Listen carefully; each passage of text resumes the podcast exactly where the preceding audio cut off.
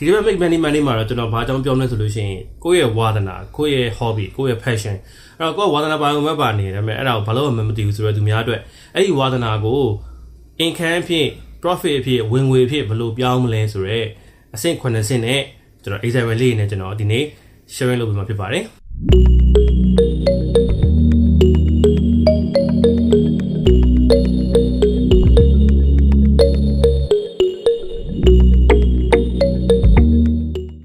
okay မင်္ဂလာပါကျွန်တော် make money money နဲ့ပြန်ကြိုဆိုပါရစေအော်ဒီတစ်ပတ်တော့ကျွန်တော်ထူးခြားတဲ့တစ်ခုပြောချင်တာကဒီ background ကဒီတစ်ပတ်အတွက်ကျွန်တော်နောက်ဆုံးဖြစ်ပါတယ်ရှင်းတစ်ပတ်ကနေစပြီးတော့ကျွန်တော် studio အစ်ကိုပြောင်းပါပြီ yay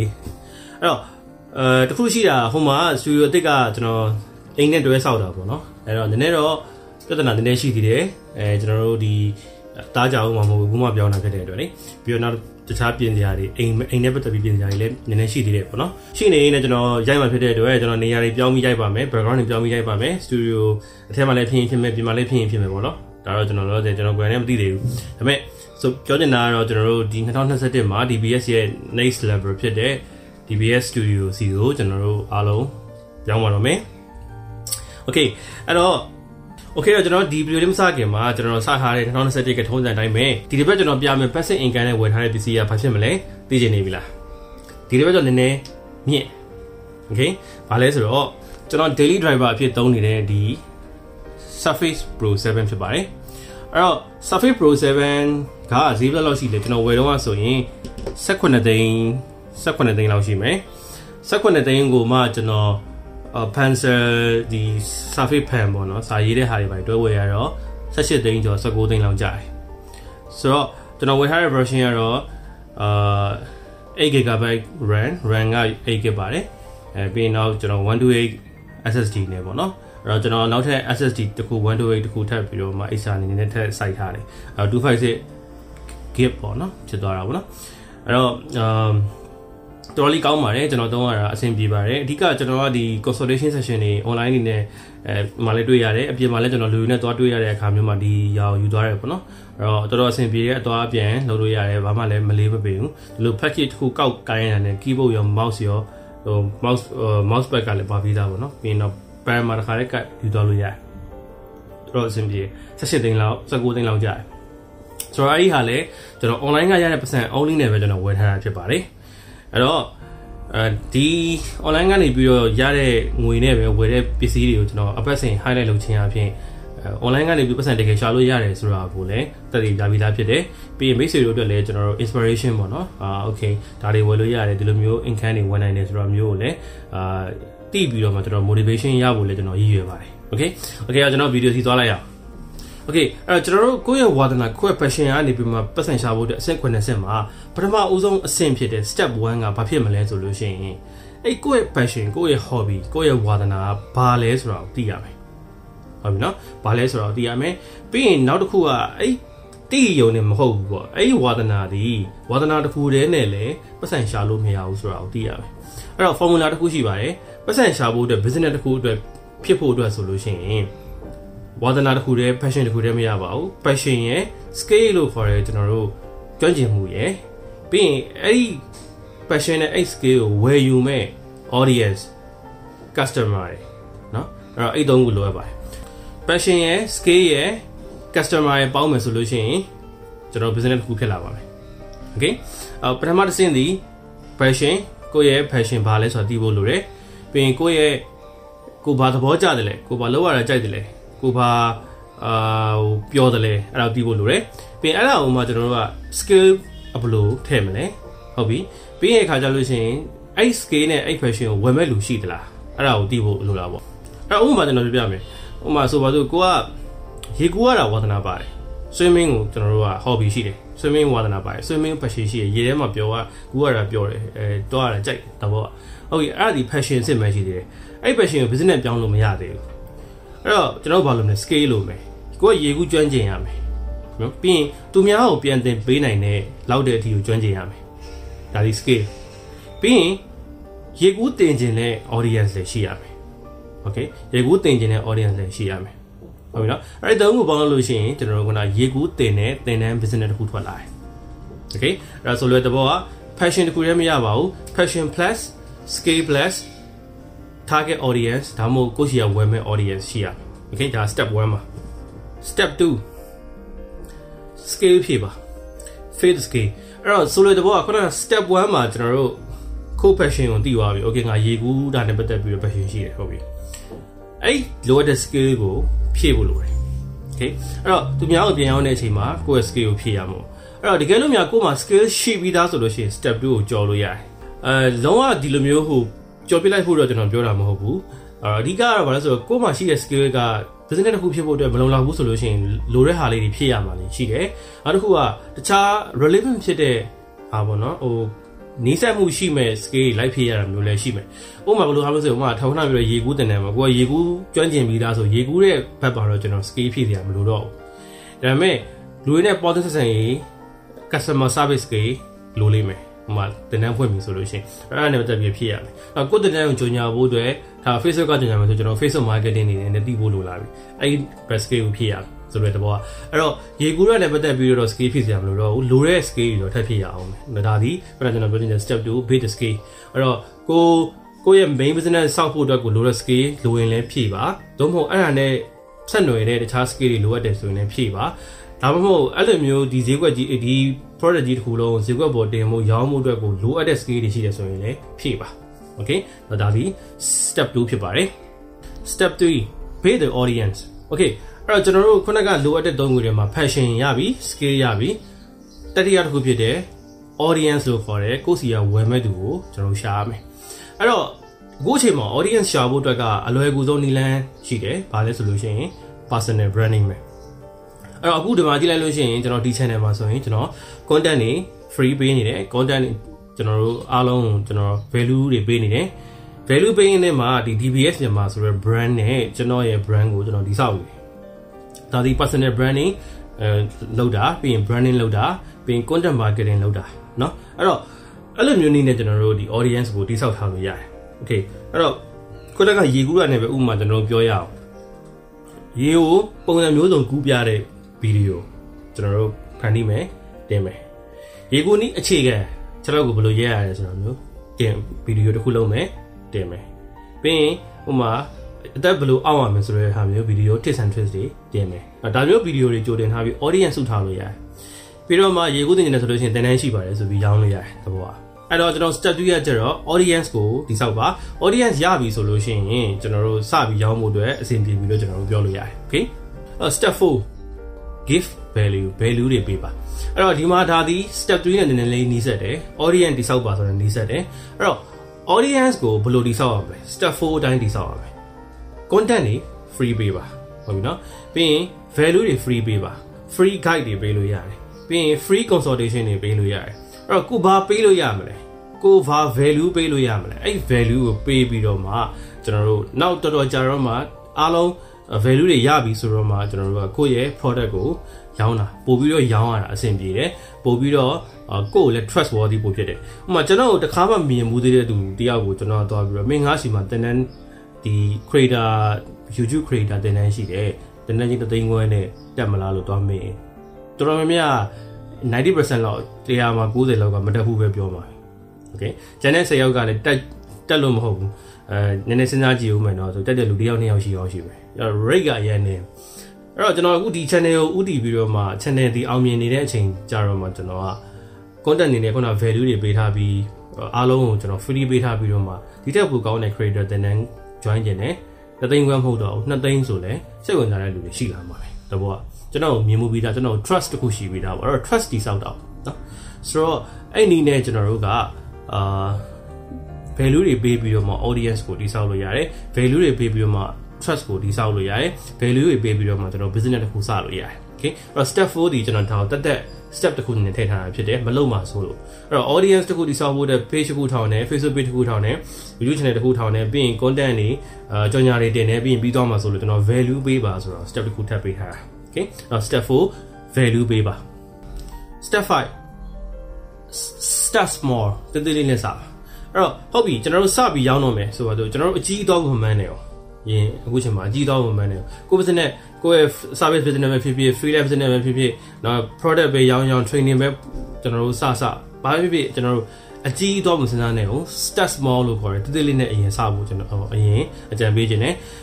အဲကိုယ့်ရဲ့မိသားစုမိတ်ဆွေတွေရှိတယ်ကိုယ့်တငယ်ချင်းတွေရှိတယ်အဲသူတို့ကနေတဆင့်စပြီးတော့မင်းငါရှိမှာငါ product ကိုဝယ်မလားငါတင်တန်အောင်တက်မလားဒါပုံငါဒီဟာလေးစမ်းသုံးကြည့်ပါလားဒါမျိုးစပြီးရောင်းတဲ့အနေအထားနဲ့စပြီးတော့သွားလို့ရတယ်ကိုယ့်ရဲ့ context တွေနဲ့သွားလို့ရတယ် okay ပြီးရင်ခုနကကိုတိစောက်ထားတဲ့ audience ကိုစပြီးတိတိလေးနဲ့စရအောင်လို့ရတယ်။ဟို one product ကိုပဲအရင်ထုတ်ကြည့် one product one service ပေါ့နော်အဲ့ဒါကိုအရင်လုပ်ကြည့်အဲ့ဒါကိုအရင်ရောင်းကြည့်ပြီးတော့မှအဲ့ဒါပေါ်မှာမူတည်ပြီးတော့မှ scale လုပ်သွားလို့ဘေးကိုချက်ထွင်သွားလို့အပေါ်ကိုချက်ထွင်သွားလို့ရတယ်။ okay အဲ့တော့ခုန audience လည်းရပြီကိုတင်ငယ်ချင်းမိတ်ဆွေတွေလည်းကိုဘာလုပ်နေလဲဆိုတော့သိပြီဆိုလို့ရှိရင်အရင်ဆုံး product တစ်ခုထုတ်ပြီးတော့စပြီးတော့ရောင်းပါ step 6 multiple income stream တွေစောက်ပါ create multiple income stream အဲ့တော့ကျွန်တော်အရှိမဗီဒီယိုတစ်ခုမှလည်းကျွန်တော်ပြောခဲ့မှုပါတယ် multiple income stream ဆိုတာဘယ်လိုဟာလဲဆိုလို့ရှိရင် income stream တစ်ခုတည်းကိုမှီခိုနေရမျိုးမဟုတ်ဘူးပေါ့အခု covid ဖြစ်လာတဲ့အချိန်မှာကျွန်တော်တို့ဒီလာကတစ်ခုတည်းရပြီးတော့အလုပ်နေတဲ့လူတွေအလုပ်ကနားလို့ရှိရင်လာကလုံးဝမရတော့ပြုတ်သွားပြီ နော်အဲ့လိုမျိုးဖြစ်တယ်ဒါဒီဘာလို့လဲဆိုရင် income stream တစ်ခုတည်းပေါ်မှာမှီခိုထားလို့အဲ့ income stream တွေအကုန်လုံးကျွန်တော်တို့ဘေးကိုဖြန့်ထားတာပေါ့နောက်ခုနကကျွန်တော်တို့ရဲ့ fashion business မှာလည်းအတူတူပဲအဲ့တော့ဥပမာရေကူးတင်တယ်ရေကူးတင်တယ်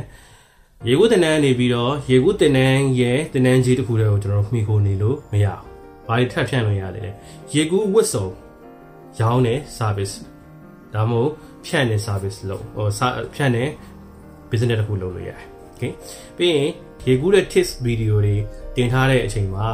channel မှာဖြစ်ဖြစ် Facebook page မှာပဲဖြစ်ဖြစ်ကြော်ညာလက်ခံလို့ရတယ်။ sponsorship တွေလက်ခံလို့ရတယ်။တော့အဲပြီးတဲ့အခါကျလို့ရှိရင်လူအများနဲ့တွဲပြီးတော့တင်တဲ့ရေကူးအာတင်တန်းရှိမယ်။နောက် private ရေကူးတင်တန်းနေပါပြီ။တွားပြီးတော့ private coach တွားလုပ်လို့ရတယ်။ Okay ပြီးတဲ့အခါကျလို့ရှိရင်အဲကျွန်တော်တို့ဒီရေကူးတဲ့ product တွေကိုကျွန်တော်တို့ကြော်ညာရိုက်လို့ရတယ်။ဟိုအများကြီးပဲပေါ့အဲ့လိုမျိုးဆက်ချက်အဲနည်းနည်းချက်ထွင်စဉ်းစားလိုက်လို့ရှိရင် okay အဲ့ဒါတွေအကုန်လုံးကိုကြိုပြီးစဉ်းစားထားပါ multiple income stream ကိုတိစောက်ထားပါတခုရတော့ဘယ်တော့မှအာမှီခိုခြင်းမလုပ်နဲ့ဥပမာကျွန်တော်ဆိုလို့ရှိရင် Facebook page တော့သူ run နေတာရှိတယ် YouTube channel တွေ run နေတာရှိတယ် online training ရှိတယ်တခြားအပြင် business တွေရှိတယ်အဲ့တော့အကုန်လုံးပေါင်းလိုက်လို့ရှိရင်ကျွန်တော် income stream တွေ10ခု15ခုကျွန်တော်ခွဲထားတယ်တခုခုပြိုလဲသွားရင် channel တစ်ခုကျွန်တော်မှတောက်တန်ရှိတယ်ဘောလေအဲ့အဲ့မျိုးလုပ်ထားပါ okay အဲ့တော့တကယ်လို့ business မတူညီတဲ့ business တွေအကုန်လုံးမှာ income stream တွေခွဲတာမျိုးမလုပ်ချင်ဘူးဆိုရင်တော့မှ business တစ်ခုတည်းမှာပဲ income stream တွေအများကြီးခွဲထားပါခုနကကျွန်တော်ပြောသလိုရေကူးတင်တဲ့ဆိုပြီးတစ်ခုတည်းမလုပ်ခွဲနဲ့ရေကူးရတဲ့ပတ်သက်တဲ့တခြား stream တွေကဆက်ခွဲလို့ရပါတယ်နောက်ဆုံး step step 7ကတော့ scale up ပါအဲ့တော့ကျွန်တော်တို့ခုတ်ပြီးဒီအဆင့်တွေရောက်လာပြီဆိုလို့ရှိရင်တော့ကျွန်တော်တို့ဘယ်လိုချက်ထွင်လို့ရမလဲအပေါ်အောက်ချက်ထွင်လို့ရလားဥပမာ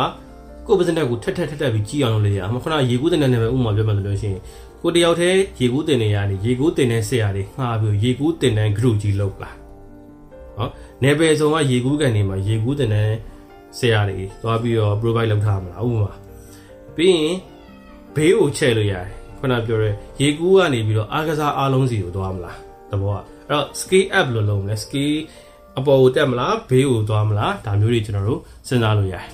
okay ဒါဒီအဆင့်7ဖြစ်တယ် okay အဲ့တော့ကျွန်တော် example လေးတွေကျွန်တော်ပေးခြင်းပါတယ်ခုနကရေကူးတဲ့နဲ့ကျွန်တော် example ပေးခဲ့တယ်တခြားဘာတွေလုပ်လို့ရသေးလဲအဲ့တော့ကျွန်တော်ဖြစ်နိုင်ရည်ရှိတဲ့ဘောနော်ဝါသနာပါနေပြီးတော့မှတခြား business လုပ်လို့မရတော့ပါဘူးဆိုပြီးတော့ဖြစ်နိုင်ရည်ရှိတဲ့အဲခေါင်းစဉ်လေးတွေကျွန်တော်စဉ်းစားထားတာရှိတယ်ဘာလဲဆိုလို့ရှိရင် gaming painting ကြပြရေးတာစာရေးတာစာဖတ်တာအရက်တောက်တာ okay ပြောပြမယ်အဲ့တော့တချို့ဟာတွေကတော့ အဲနည်းနည်းကြားပူနာဝရှိပြီးသားဖြစ်လိမ့်မယ်ဥပမာ gaming ဆိုပါဆို game ကစားခြင်းနဲ့ဘယ်လိုပတ်ဆိုင်ရှာမလဲဘယ်လို business တစ်ခုခုန7 step နဲ့ဒီဆောက်မလဲဥပမာပြောပြအဲ့တော့ gaming ဆိုလို့ရှိရင်ဒါအတော်များတော့ TV လာပါ game streamer တွေပါအခုကျွန်တော်တို့ရှိနေပြီဆိုတော့လေအဲဒါပေမဲ့ game streamer တွေ streaming နဲ့ဘယ်လိုပတ်ဆိုင်ရှာတယ်လဲဘာညာတော့တိတယ်လို့နည်းနေမယ်အဲ့တော့ဒီမှာကျွန်တော်ဒီဗီဒီယိုမှာအကြမ်းမင်းပြောရလို့ရှိရင်ဟိုမှာကျွန်တော်တို့ game တစ်ခုကိုကစားတယ်အဲ game ကိုကစားတဲ့ဟာကိုလာကြည့်နေတဲ့လူများနေပြီအဲ့တော့ကျွန်တော်တို့က attention ရနေပြီဒီနည်းအားဖြင့်ပြောအဲ့ attention တွေရောင်းလို့ရတယ် လူတွေကိုယ်စိတ်ဝင်စားလာပြီဆိုရင်စိတ်ဝင်စားမှုကိုရောင်းလို့ရတယ်ဘယ်လိုရောင်းမလဲကြော်ညာတွေလက်ခံမယ်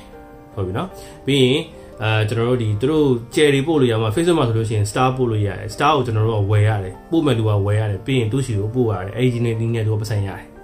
ပြီးရင် partnership တွေပါရရတယ်ဥပမာ Facebook နဲ့ partner ဖြစ်ကြလို့ရှိရင်သူက premium content ကိုပတ်စံပေးပြီးတော့မှကြည့်ရတဲ့ဟာမျိုးလုပ်လို့ရလာတယ်အခုကြလို့ရှိရင်အဲကျွန်တော်တို့ဒီ mention လုပ်ပေးရတယ် product mention လုပ်ပေးရတယ်ဥပမာသူစော်နေတဲ့ gaming chair gaming monitor အဲနောက်ပြီးရင်အဲနောက် game cloud တွေဒါမျိုးတွေအကုန်လုံးကိုကျွန်တော်တို့ဟိုကြော်ညာပေးလို့ရတယ်เนาะအပြီးရင်ပွဲတက်လို့ရတယ်ဥပမာ game ပြိုင်ပွဲတွေပါကျွန်တော်လုပ်ပြီးဆိုလို့ရှိရင် Samsung ကလုပ်တယ် Huawei ကလုပ်တယ်အဲ့ game ပြိုင်ပွဲကိုသွားပြီးရင်ကိုကဒီ influencer အနေနဲ့တက်လို့ရတယ် game ပြိုင်ပွဲအကြောင်း Facebook မှာ post တင်ပေးလို့ရတယ်နော်ပြီးရင် game workshop တွေစီစဉ်လို့ရတယ်ပြီးရင် streaming workshop တွေပါစီစဉ်လို့ရတယ်အများကြီးပဲကျွန်တော်တို့လုပ်လို့ရတယ်ရှိတယ် အဲ့ဒါဒီ game gamer တယောက်ရဲ့ဒီ game ပေါ်မှာခြေကျွန်တော်တို့ဒီဆွဲလန်းတဲ့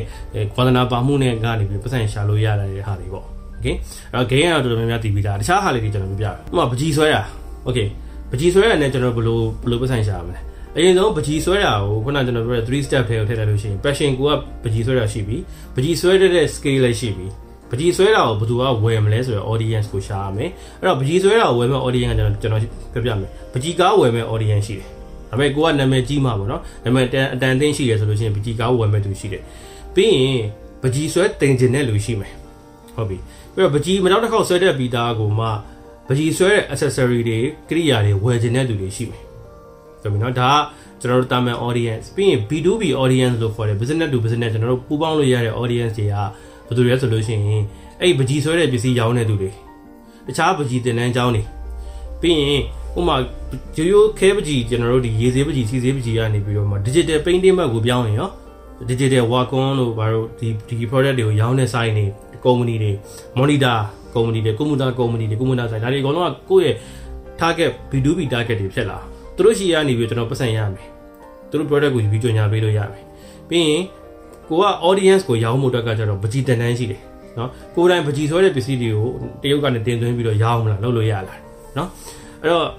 အာကျွန်တော်တို့ပကြီးဆွဲတဲ့နေရာမှာလဲကိုကပေါက်သွားပြီကိုယ့်ရဲ့ audience ရှိလာပြီဆိုလို့ရှိရင်ခုနကကျွန်တော်ပြောတယ် audience ကိုရောင်းမှုအတွက်ပကြီးဆွဲတင်တန်းရှိတယ်ပကြီး product တွေရှိတယ်ပြီးရင် sponsor ယူပြီးတော့မှ audience ကိုပြပေးတာရှိမယ်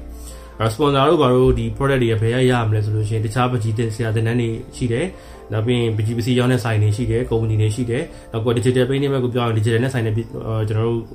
Wacom တို့ နောက်ပြီးရင်ဒီ monitor တို့အများကြီးအများကြီးဖုန်းနဲ့ဘယ်လိုဆွဲမလဲ software လာအများကြီးကျွန်တော်တို့ထွက်လာ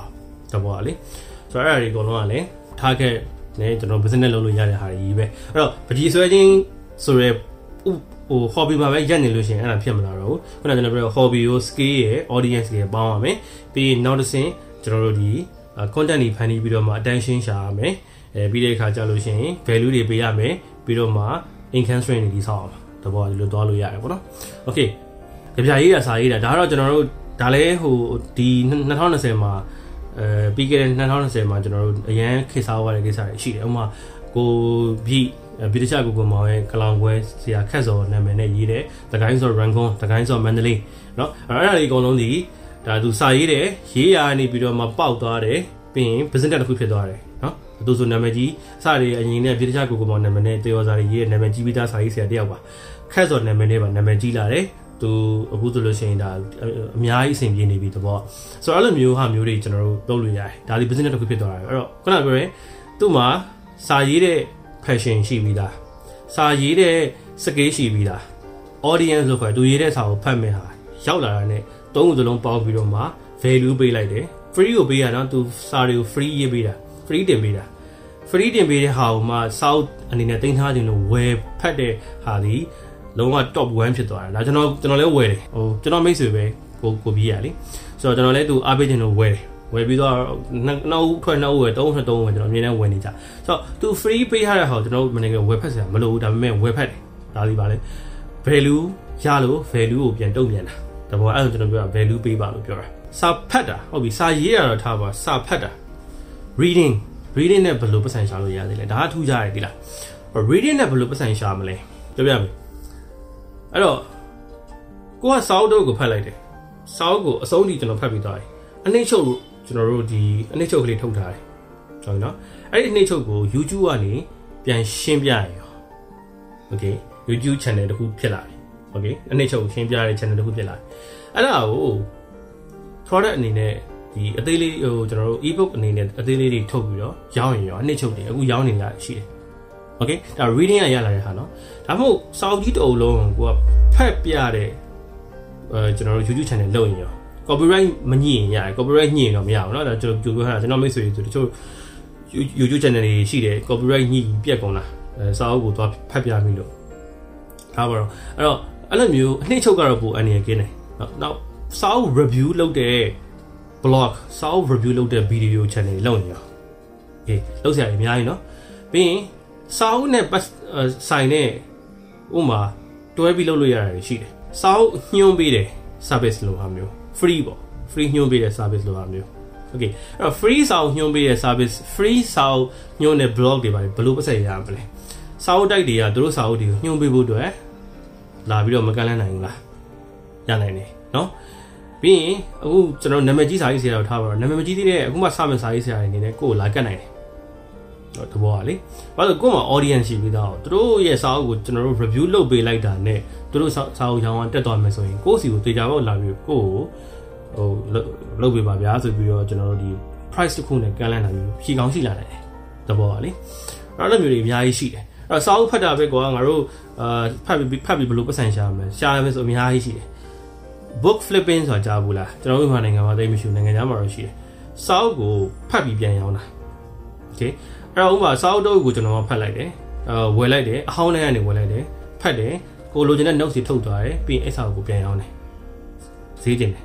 ပြီးရင်တော့စောက်တွေစုထားပြီးတော့တော်တော်ကြာမှပြန်ရောက်တာမျိုးတွေဒါမျိုးတွေလည်းလုပ်လို့ရတယ်ဒါတိတ်တော့အချိန်တော့နည်းနည်းပေးရတာပေါ့နော်တိတ်အရင်လည်းအများကြီးတော့မရနိုင်ဘူးဒါပေမဲ့လုပ်လို့ရတယ်ဆိုတော့ပြပြဆိုတော့ reading မှာလည်းကျွန်တော်လုပ်လို့ရအများကြီးခုနကပြောတဲ့ ကျွန်တော်တို့ passion ရှိပြီးသား skill လို့တယ်ဘာ skill လဲစာအုပ်ကိုအမြန်ဖတ်တဲ့ skill တို့စာအုပ်ကို note ထုတ်တဲ့ skill တို့ပြန်ရှင်းပြနိုင်တဲ့ပြန်နားလည်အောင်ရှင်းပြပေးနိုင်တဲ့ skill တို့ဒါတွေလိုအပ်တာပေါ့ဒါတော့သိကြဖို့လိုတယ်ပြီးတော့အာ audience လို့တယ်စာအုပ်ကိုစိတ်ဝင်စားတဲ့ကိုစီရဖတ်မဲ့ audience လို့တယ်ဒါကတော့ audience ကတိဆောက်လို့ရတယ်ကျွန်တော်တိဆောက်ရင်းတွေပြောထားပြီးပြီပဲ YouTube channel လုပ်ပါ Facebook page လုပ်ပါဗီဒီယိုတွေတင်ပါကျွန်တော်တို့ post တွေတင်ပါ review တွေလုပ်ပါ attention ရှာပါ value ကိုကျွန်တော်တို့ပေးပါဒါမျိုးဆိုကျွန်တော်တို့ audience ထွက်လာတာပဲသဘောပါလေပြီးအဲ့ audience ကစာဖတ်ချင်တဲ့ audience ဖြစ်ဖို့လည်းများတယ်သူတို့ရောင်းလို့ရောင်းလို့ရလာပြီเนาะဒါတွေရှိမယ်ပြီးတဲ့ခါကျရင်စာအုပ်တိုက်တွေကနေဆက်သွယ်ပြီးတော့မှဆက်သွယ်လာပြီးတော့စာအုပ်ဆိုင် online စာအုပ်ဆိုင်ပြန်ဖွင့်မလားဟိုကျွန်တော်ကိုယ်တိုင်ကျွန်တော်ကစာအုပ်အရင်ဖတ်တဲ့လူတယောက်လိုလူတွေသိထားပြီဆိုလို့ရှိရင်ကျွန်တော်ညှိုးတဲ့စာအုပ်တွေဆိုလူတွေဖတ်ပါမယ်ဆိုတော့သိတယ်အဲကျွန်တော်ကစာအုပ် online စာအုပ်ဆိုင်လုပ်လုပ်ချင်းအပြင် ကျွန်တော်စီမှာစာသမားတွေကြီးပဲများတာဖြစ်တဲ့အတွက်ကျွန်တော်ကိုဟိုအားပေးကြလိမ့်မယ်တဘောကဒါမျိုးတွေလည်းကျွန်တော်လုပ်လို့ရတယ်နော်အများကြီးပဲကျွန်တော်တို့ခုနက multiple multiple income strings လုပ်လို့ရတယ် okay နောက်တစ်ခုအေးအရက်တောက်တာနဲ့ဘယ်လိုပတ်ဆိုင်ရှာပါလဲဟုတ်ပြီနော်ဟောဒါလေးရကျွန်တော်မိုက်တယ်အဲ့တော့မြန်မာနိုင်ငံမှာအဲ့ alcoholic alcohol နဲ့ပတ်သက်တဲ့အရက်ကို review လုပ်တဲ့ blog video ပဲဖြစ်ဖြစ်စားနေပဲဖြစ်ဖြစ်မြင်ဘူးလားတခုမှမရှိဘူးနော်ဒီကမ္ဘာလုံးမှာအများကြီးရှိတယ် မြန်မာနိုင်ငံမှာတခုမှမရှိဘူးကိုကအရက်တောက်တာလဲတောက်လဲတောက်တတ်တယ်အရက်တောက်ရတာလဲကြိုက်တယ်တရက်နေလေပတ်စံရမယ်ဆိုရင်လုံးပါရသမားတွေတော့မေးကြည့်အကုန်လုံးမဲ့လူတွေကြီးပဲဆိုတော့ဆိုတော့ကျွန်တော်ကိုယ်လည်း single malt တွေပါကြီးကျွန်တော် whisky ပဲကြိုက်တယ်ဆိုတော့အဲ့လိုမျိုးဆိုလို့ရှိရင်ဘလို့ပတ်စံရှာလို့ရတယ်အရက် review လီဂါဆိုင်တွေမှအများကြီးဗျာကျွန်တော်ပြောတာလီဂါဆိုင်နာမည်ကြီးတယောက်တယောက်ပြိုင်ဆိုင်နေကြတာဟုတ်ပြီနော်အဲ့တော့လီဂါဆိုင်တစ်ဆိုင်ဆိုင်ကိုကျွန်တော်တို့ချိတ်လို့ရတယ်သူ့ဆိုင်ကနေပြီးတော့အဲ့ ရက်ကို review လုပ်ပေးပြီးတော့မှသူ့ဆိုင်ကိုကြော်ညာပေးတဲ့ service မျိုးလုပ်လို့မရဘူးလားရတယ်နော်ပြီးရင်အရက်ကုမ္ပဏီတွေမြန်မာနိုင်ငံကိုတင်သွင်းတဲ့အရက်ကုမ္ပဏီမြန်မာနိုင်ငံကထုတ်တဲ့အရက်ကုမ္ပဏီအမှအခု Peacock Beer တို့ဘာလို့ထွက်လာတယ်သူတို့ဘယ်လို promote လုပ်ပေးလို့ရမလဲ okay ပြီးရင် club အရက် club တွေလုပ်လို့ရတယ်ဥပမာတောက်တဲ့အရက်တွေကိုဖလှယ်ကြတဲ့ဟာမျိုးနောက်ကျွန်တော် Facebook မှာ group တွေရှိပါတယ်ဆိုတော့မျိုးလုပ်လို့ရတယ်အဲ့တော့ဆိုတဲ့သဘောကဗျာ attention ရပြီဆိုတော့ပတ်စံရှာလို့ရတယ်သဘောက okay အဲ့တော့ wine taste လုပ်တဲ့သူအရက် taste လုပ်တဲ့သူ okay အဲ့ဆိုလို့တော့ဗျာကျွန်တော်အရက်တစ်ခွက်ကိုတောက်ပြီးတော့ခန္ဓာကိုယ်အတွက်ကိုမှန်ကောင်းမွန်တဲ့မှန်ကန်တဲ့မထိကိုက်စေမဲ့ထိကိုက်မှုကိုရော့စေမဲ့တောက်ပုံတောင်းနီးလိုဟာမျိုးကိုကျွန်တော် data sharing လုပ်ပေးနိုင်မယ်ဆိုရင် follow လုပ်မဲ့လူတွေအများကြီးပဲဟုတ်တယ်ပါအဲ့ဒါမှကျွန်တော်တို့ရဲ့ attention ကိုကျွန်တော်ကခဏကဒီမှန်ကန်တဲ့အရက်ဘယ်လိုတောက်ရမလဲဘယ်ဆိုင်ကဝယ်ရမလဲဒါမျိုးကြီးကျွန်တော်တို့ ပြောပြပြီးတော့မှအဲ့ခုနအရက်ကုမ္ပဏီအဲရောင်းတဲ့ဆိုင်နေကျွန်တော် sponsorship ယူပြီးပတ်စံရှာလို့ရတာပဲလေသဘောကဟုတ်ပြီနော်အဲ့တော့အရက်ကုမ္ပဏီဘီယာကုမ္ပဏီရက်ဆိုင်ဘီယာဆိုင် sponsorship ကဈေးဈေးများမှာပဲဘာကြောင့်လဲသူတို့ကပေးနိုင်တယ်လေတောင်းလို့ရတယ် okay ဟုတ်ပြီဒါမျိုးတွေရှိတယ်เนาะအဲ့တော့ကျွန်တော်တို့လုံးဝဆိုအများကြီးပုံမှာကျွန်တော်တို့ဒီဘားတစ်ခုဥမာကိုကအရက်တောက်ရုံနဲ့မကောက်တော့အရက်ငယ်ဘေးကို ဟိုကျွန်တော်တို့ ဖက်ဟိုဖြတ်ထုတ်လိုက်ဟိုဘာတစ်ခုကိုကျွန်တော်တို့ဘာကြောင့်ထိုင်နေလဲဟိုမှာအချင်းလေးတွေကောင်းကောင်းဖွင့်လို့လားဒါမှမဟုတ်မီးအောင်ကြောင်းလားဒါမှမဟုတ်သူ့ look and feel ကြောင်းလားပြီးရင်လူတွေအဲကျွန်တော်တို့အေးစစ်စစ်ရှိလို့လားငြိမ်သက်လို့လားငြိမ်ငြိမ်နာကြတဲ့လူကငြိမ်တဲ့ဘာကိုတောင်းမယ်ရှုပ်တဲ့တဲ့လူရှုပ်တဲ့ဘာကိုတောင်းဒါမျိုးပေါ့နော်အဲကျွန်တော်တို့က consultation လုပ်လို့ရတယ်နော်အရက်ကဘေးကိုထွက်လိုက်ဘာ back ဒီကခြုံပြီးတော့မှ okay ဘာတွေစိုင်းနေနေနဲ့ဘလို့ female ဘလို့ look and female လုပ်တဲ့နေဆိုတာမျိုး consultation လုပ်ပြီးပတ်စံပတ်စံတောင်းလို့ရတယ် okay ပြီးရင်အာ cordy back ကိုသွားမလား cordy ဖြော်ပုံဖြော်နည်းတွေနဲ့ကျွန်တော်တို့ဟိုမှာဒီ cordy လောက်ပြပြီးတော့ကျွန်တော်တို့ဒီ